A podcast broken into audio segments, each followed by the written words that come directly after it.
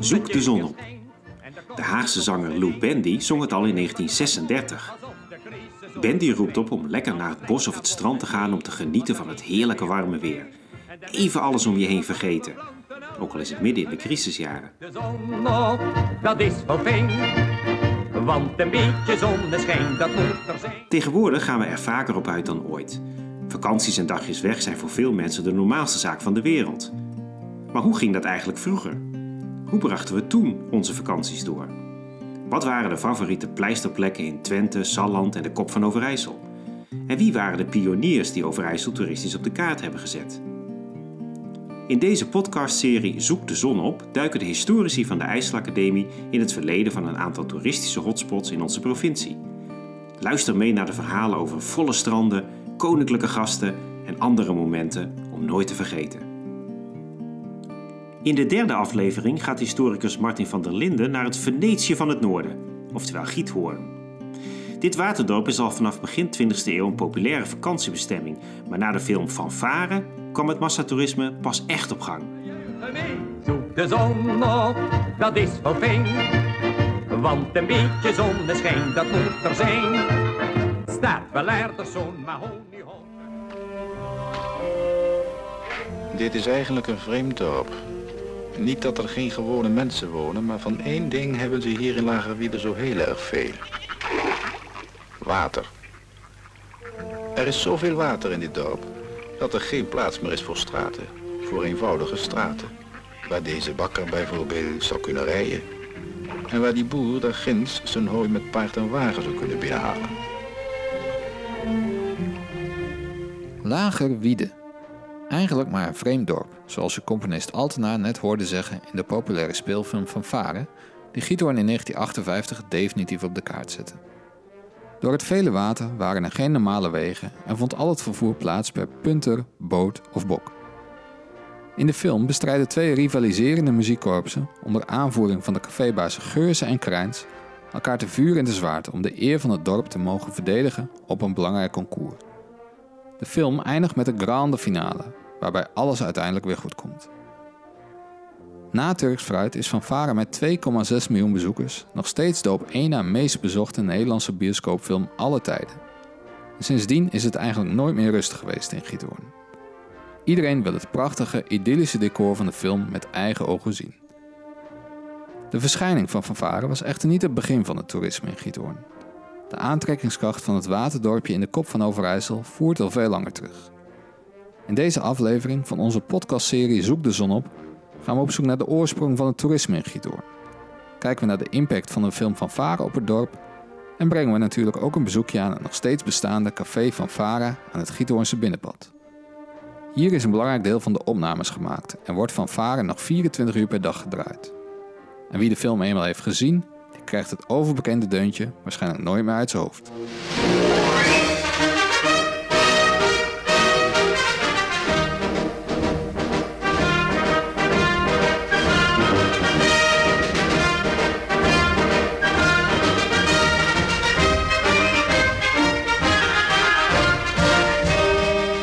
Wordt altijd gezegd van het toerisme kwam na de film van Varen.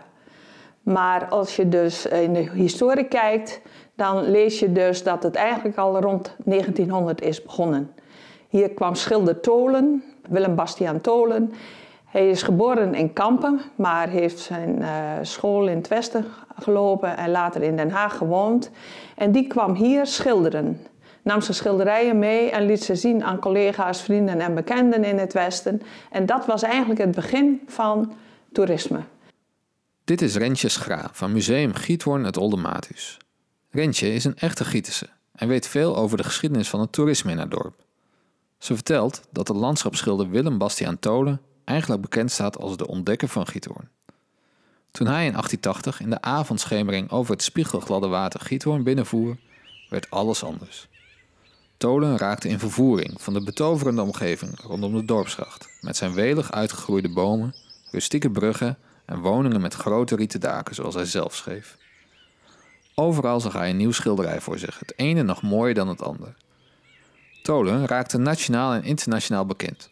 En de bezoekers van zijn exposities wilde die verlokkende groene wildernis van Giethoorn graag eens met eigen ogen zien. De verhalen die ze vertelde en de foto's die ze maakte zorgden voor een sneeuwbaleffect dat tot op de dag van vandaag voortduurt. Als je kijkt naar de oude foto's, dan het eerste wat mij altijd opvalt is dat er zoveel bos was. Langs de dorpsgracht. Overal, ja, echt bossage ook. Niet alleen bomen, maar ook bossage. En wanneer je stukken leest van schrijvers die er in die periode geweest zijn, dan lees je ook altijd dat ze onder een boog van lover door de gracht voeren. Dus ja, het, was, het groeide ook naar elkaar toe. Dat op die manier eh, ja, was het heel idyllisch. En dat, eh, ja, dat is nu allemaal weg. Eh, er staan nog wel een paar bomen, maar toch, dat, die, die beslotenheid die is weg. Ook rond de huizen. De bevolking van Giethoorn bestond op dat moment vooral uit kleine boertjes met één of twee koeien. Of men was arbeider bij een iets grotere boer in de omgeving.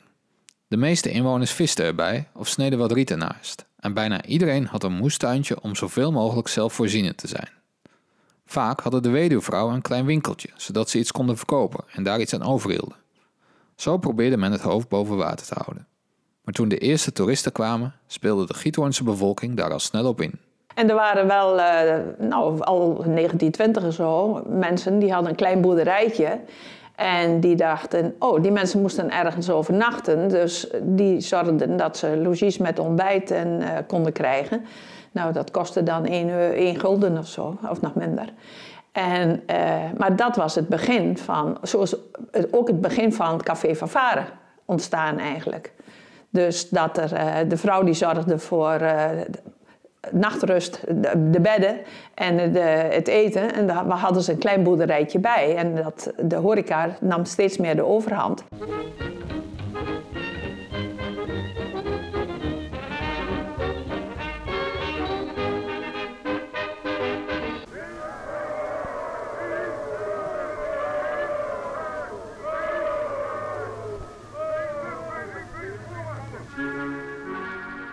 In een filmpje uit 1932 over een excursie naar Giethoorn van de Algemene Nederlandse Vereniging voor Vreemdelingenverkeer, de VVV, is de stemming in de dorpsgracht in die tijd goed te zien.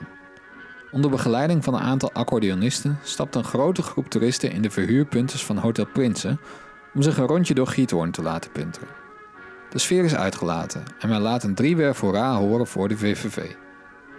Toch is deze drukte nog niets in vergelijking met het toerisme dat na het verschijnen van de film van Varen op gang zou komen.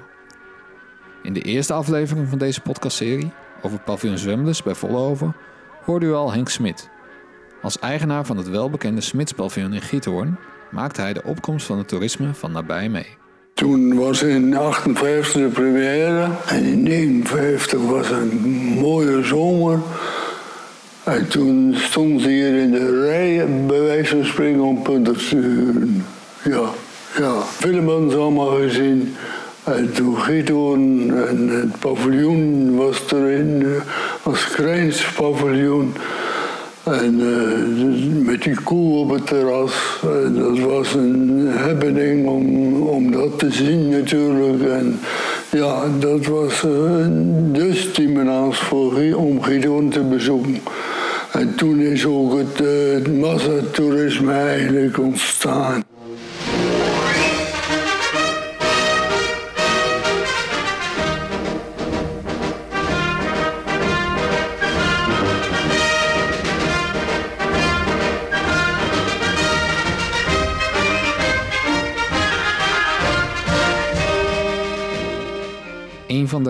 Regisseur Bert Haanstra voor Giethoorn als opnamelocatie van Fanfare koos, was dat het dorp ondanks het toerisme nog steeds zijn karakter van kleinschaligheid had behouden. Haanstra bezocht Giethoorn op uitnodiging van de hem bevriende kunstschilder Piet Zwiers en zag onmiddellijk dat het unieke waterrijke landschap een belangrijke meerwaarde had voor zijn speelfilm. Een rustig boerendorp met veel houten puntes, kleine winkels, pittoreske cafés, betrokken bewoners en een eigen fanfarekorps, genaamd Kunst en Vriendschap. De voltallige Giethoornse fanfare zou uiteindelijk meespelen in de film. En een van de bekendste scènes, waarbij de koe van Café bij Scheursen op hol sloeg op het terras van zijn concurrent Krijns, werd opgenomen op het paviljoen van Smit.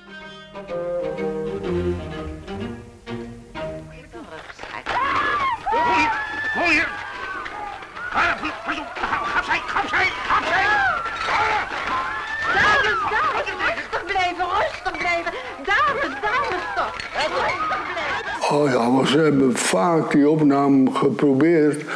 Maar die, eh, die dames die zaten op het terras, op paviljoen. En dan moest die koe die moest ertussen springen, tussen die dames. Maar die koe die was zo tam en mak en was een jonge, pink, een. En als hij werd hij aangedreven, moest hij buiten beeld blijven. Draaide, keerde hij terug en dan ging hij weer, weer om. Tot vervelend aan toe. Die dames die zaten er ook maar. En dan was de tijd weer verstreken, dan was de zon weer weg en bewolking. Nou, en toen hadden we het idee opgevat om een vissnoer en die om de staart gewikkeld en aantrekken op het eind hoe je daarop reageert. Toen was hij er net aan toe en ja hoor, bij trekken met elkaar aan die snoer en houden. En hij sprong tussen die dames heen, buiten zicht van ons. En toen was het eh, de shot gelukt. Toen moest hij op loop gaan, de, de steiger op, naar de wal toe. Oh, dat ging perfect.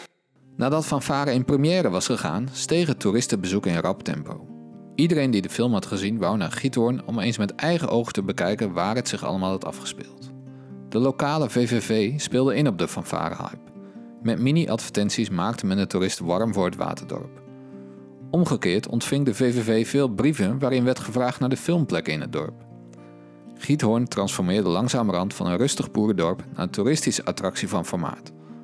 Bracht dat soms ook weer nieuwe problemen met zich mee. En dan kwamen zoveel. En men, heel in het begin ging, kwamen er ook wel bussen. Dat was al voor de film. Kwamen er wel al ondernemingen met bussen hier in het dorp. En dan, die werden in vlotten rondgevaren. Daar waren, die kwamen niet per persoon, maar als groep. En dat, uh, die horeca, die als er toen was, die pikte dat wel op. En daar ging men, die ondernemingen gingen daar naartoe. En dan werden ze met de puntenboom in het begin rondgevaren. Maar dat was, als, nou, dat was heel zwaar natuurlijk. En daar kwam al gauw dat er een motortje achter kwam.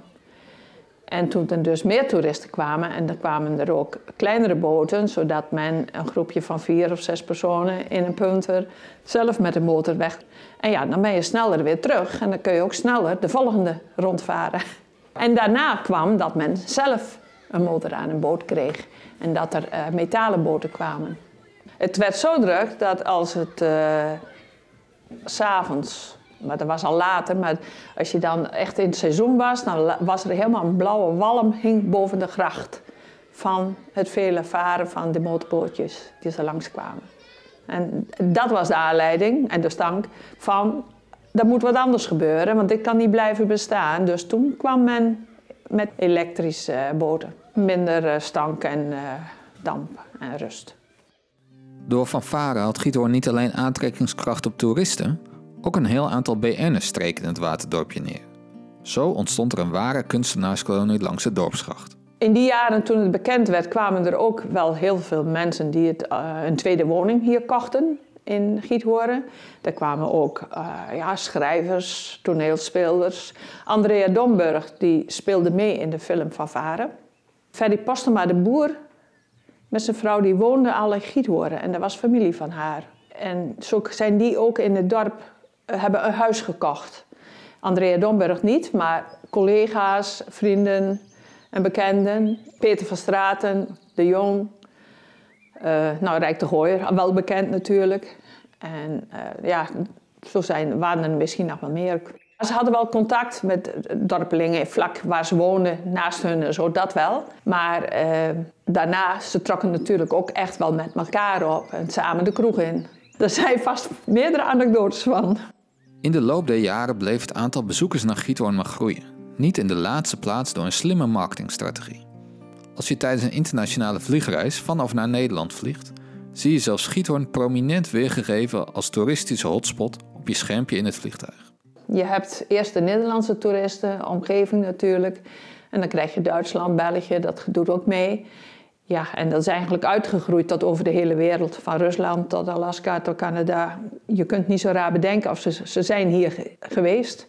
We hebben natuurlijk de Chinese hoos wel gehad. En die is, komt nog wel. Ja, nu ligt het stil vanwege corona, maar daarvoor nog wel. Maar toen kwamen er ook al heel veel uh, rijke Arabische mensen. Je hebt in China had je dus uh, mevrouw Esselbrugge, die daar uh, contacten had en dat verder heeft uitgebouwd. En daar wordt dan reclame gemaakt en van het ene komt het ander. En dat, vooral als dat een, een televisieprogramma of een maatschappij dat oppikt, ja, dan, dan is China, dan komt het overal blijkbaar. Dat breidt zich dan uit en er, komen ook filmmaatschappijen van te, televisiestations. Die komen regelmatig naar Giethoorn om opnamen te maken. Dat laten ze op thuis op hun televisiestation zien. En zo maak je reclame. En wanneer je vliegt, dan wordt giethoorn op de beeldschermpjes aanbevolen. Dus dat werkt ook. Toch hebben de internationale toeristen niet altijd in de gaten dat er in Giethoorn ook nog gewoond en gewerkt wordt. Ik heb ook op de bibliotheek heb ik jaren gewerkt. En daar was het VVV-kantoor bij tegenaan. Het was één geheel eigenlijk. Komt er op een middag, het eh, VVV-kantoor was al gesloten, en er was al vijf uur geweest, komt er een uh, Chinees. En die vroeg hoe laat het dorp dicht ging. Die dachten dat dus Giethoren, het dorp Giethoren, dat een soort park was. En dat het dan om zes of zeven of acht uur dicht ging. Nou, dat bleek dus niet zo te zijn. Dus je hebt soms ook vreemde dingen. Maar zoals die Chinezen ook, ze, daardoor het idee dat ze ook overal mogen lopen. Dus ze gaan heel snel bij mensen bij, nou, bij huis kijken. Kijken hoe de tuin erachterbij ligt, of ze kijken naar binnen. Ja, en dat, dat gaat dan net een stap te ver. Maar ze doen het niet om vervelend te zijn. Maar ze weten niet beter hoor. Maar wat alle toeristen, zowel uit Nederland of van verder weg, met elkaar gemeen hebben, is dat ze allemaal een bezoekje brengen aan Café Varen aan het Binnenpad. Dat sinds 2007 eigendom is van ondernemer Arie Willem Vermeij. Aanvankelijk had hij hele andere plannen met het café, totdat hij doorkreeg wat de film van Varen voor Giethoorn betekende. Ik moet eerlijk zeggen, dat niet zo'n heel groot idee. Ik had de film nog nooit gezien. En uh, na drie dagen uh, wist ik dat dat uh, zeer bijzonder was. Want iedereen die binnenkwam, al deze de hoofd even door de deur, zei: Oh, is dit nou de fanfare? En als ik boven op kantoor zat, dat is nog steeds wel zo, dan hoor je gewoon mensen langslopen en die doen dan een deuntje na. En dan, nou, dan, dan hoor je dat of in de bootjes die langs varen. Maar er zijn nog steeds heel veel mensen die gewoon weten ja, hoe dat ontstaan is wat er was. Het is natuurlijk ondertussen ook een cultfilm, dus ook zelfs jongelui, niet allemaal natuurlijk, maar ook zelfs jongelui die zijn er geïnteresseerd in. En dat zijn wel hele grappige, leuke dingen. Dus ik wist na drie dagen, Arie Willem, hier moet je wat mee.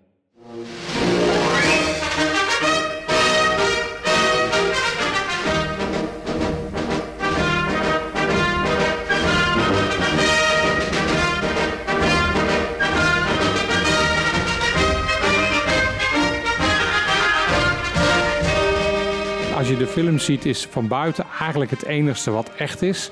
want uh, Bert Haanstra kon zeer goed knippen en plakken. Uh, want als je naar binnen lopen, was het eigenlijk in, of in Hilversum ja, in Hilversum was het. Want ze deden in Hilversum en in Amsterdam deze ook dingen opnemen. Het enige wat echt in de film is, dat is onze zaal achter ons. Dat was toen nog stal in de film, uh, tijdens de film. Want, en en daar hebben ze dus ook die opnames gemaakt waar de, de kip uit die, uit die tuba, tuba komt. en het, het grappige is weer dat dat in de film heel ergens anders was. Dat was ergens in Noord, gevoelsmatig, maar het was hierachter. Nou heren, zullen we het nog eens proberen?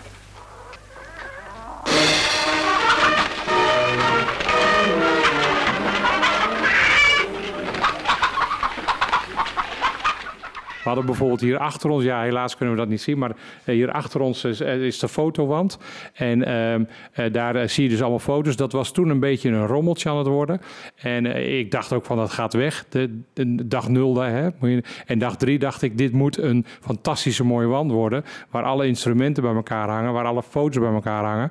En, nou ja, dus, en dat is gebeurd. Dus dat is super mooi eigenlijk. Vooral die, die grote, die tuba die is gebruikt. Uh, nou, die hangt aan, die zie je echt heel duidelijk. Dat, nou, die is echt vanuit de film, dat weet ik 100%. Achter ons hangt een, een vaandel. En uh, de, het echte vaandel is net als in de film een keer gestolen. Dus we weten nog steeds niet waar die echt is. Maar deze is nagemaakt. En, maar volgens mij ook al bijna wel ondertussen 50 jaar oud. En, dus maar, en eigenlijk bijna het belangrijkste beeld, de jonge dame. Ehm, die werd gegeven aan ehm, de supermarkt, meneer, om zeg maar bij hun uh, fanfare te komen. En die hangt hier ook. Dus dat zijn eigenlijk wel, dat ja, iconische, mooie, mooie dingen eigenlijk wel. Het café van Varen was ooit ontstaan toen boer Lucas Bakker zijn boerderijtje ombouwde tot lokale kroeg. Op dat moment heette het nog niet van Varen. Eerst groeide het café uit tot Bons Hotel Hollands Venetië. En ten tijde van de filmopnames in 1958 was Jantje Waaier de uitbaatste. In de volksmond werd de kroeg toen Café Waaier genoemd. Pas na de première van de film kwam de naam van Varen in beeld. Het bleek een gouden zet te zijn. Het grappige is natuurlijk, Café van Varen heette natuurlijk in de film uh, ook niet eens zo. Uh, en daarna is eigenlijk uh, de film ontstaan, die naam is eigenlijk ontstaan omdat Bert Haanstra en de toenmalige eigenaresse gingen naar Amsterdam toe naar de uitreiking van de film. en op dat moment waren ze een borreltje aan het drinken en Bert Haanstra kwam even bij haar staan en ze waren even aan het praten. En op dat moment zegt Bert Haanstra, als je nou slim bent, noem je het Van Varen. Café Van Varen. En ik weet niet of dat een week later is gebeurd, een maand later, maar het is gebeurd. En ja, daar zijn we eigenlijk nog steeds wel blij mee, want het is toch wel iets heel bijzonders dat dat er is. Maar ze komen zeer regelmatig binnen van, is hier de film opgenomen? En dan, eh, ja, dat klopt. Ik zei, en dan komen ze binnen en dan gaan ze kijken en dan, uh, en dan moeten ze foto's maken natuurlijk. En, maar dat is jong en oud eigenlijk hoor. Dat is niet alleen maar, uh, zeg maar de 60, 70-plussers. En maar ook dat is wel weer leuk, want dan komen de mensen binnen. Oh, maar ik heb die film wel vier keer gezien vroeger. En toen mocht ik naar de bioscoop voor het eerst. Dat zijn wel hele grappige verhalen, terwijl je gewoon nu bij wijze van spreken elke dag naar de bioscoop zou gaan. Maar het is super gaaf om te zien dat mensen er nog steeds leuk en een soort jeugdherinnering hebben. De film van Varen roept dus bij veel mensen nog steeds mooie herinneringen aan vroeger op. Tegelijkertijd heeft de film voor Giethoorn een enorme boost van het toerisme veroorzaakt, waar het dorp tot op de dag van vandaag nog van profiteert. Hoewel er volgens Rensje Scha in de loop der jaren ook wel iets verloren is gegaan, heeft Van Varen veel voor Giethoorn betekend. Al zouden de toeristen er, door de bijzondere aantrekkingskracht van het vele water, de fraaie bebouwing en de mooie natuur, missie uiteindelijk wel net zoveel zijn gekomen zonder dat Fanfare was gemaakt. En dan heet de Café Fanfare vandaag de dag misschien wel gewoon Café Vermeij.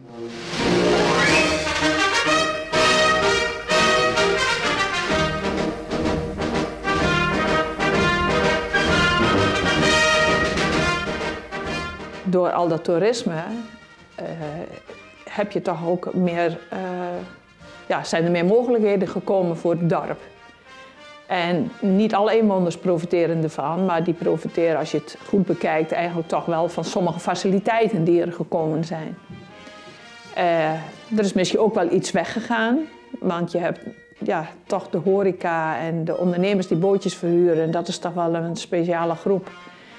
Ja, de, de, het samenwerken aan, naar, aan iets uh, mis je wel eens. Het is best nog wel een dorpsgemeenschap, maar niet meer in de zin zoals het voor die tijd was. Je krijgt natuurlijk, maar ja, de wereld verandert ook. Je hebt andere invloeden ook van buitenaf. Iedereen neemt, ook die hier komen wonen, nemen andere dingen mee.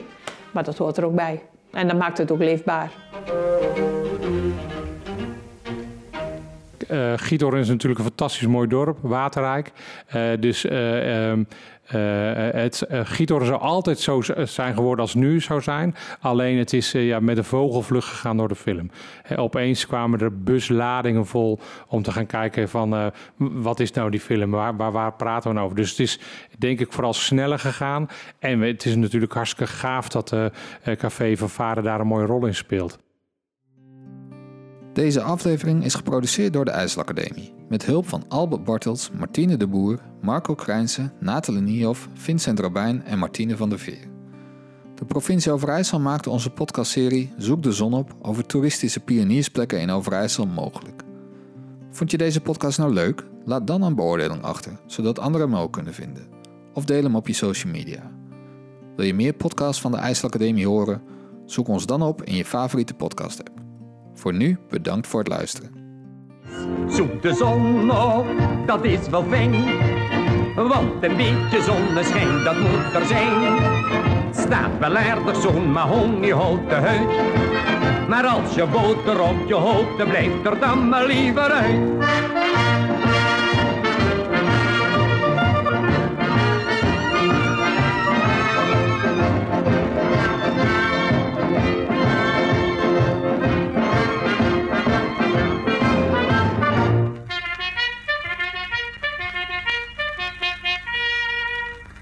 Zoek de zon op. Ja, zoek de zon op.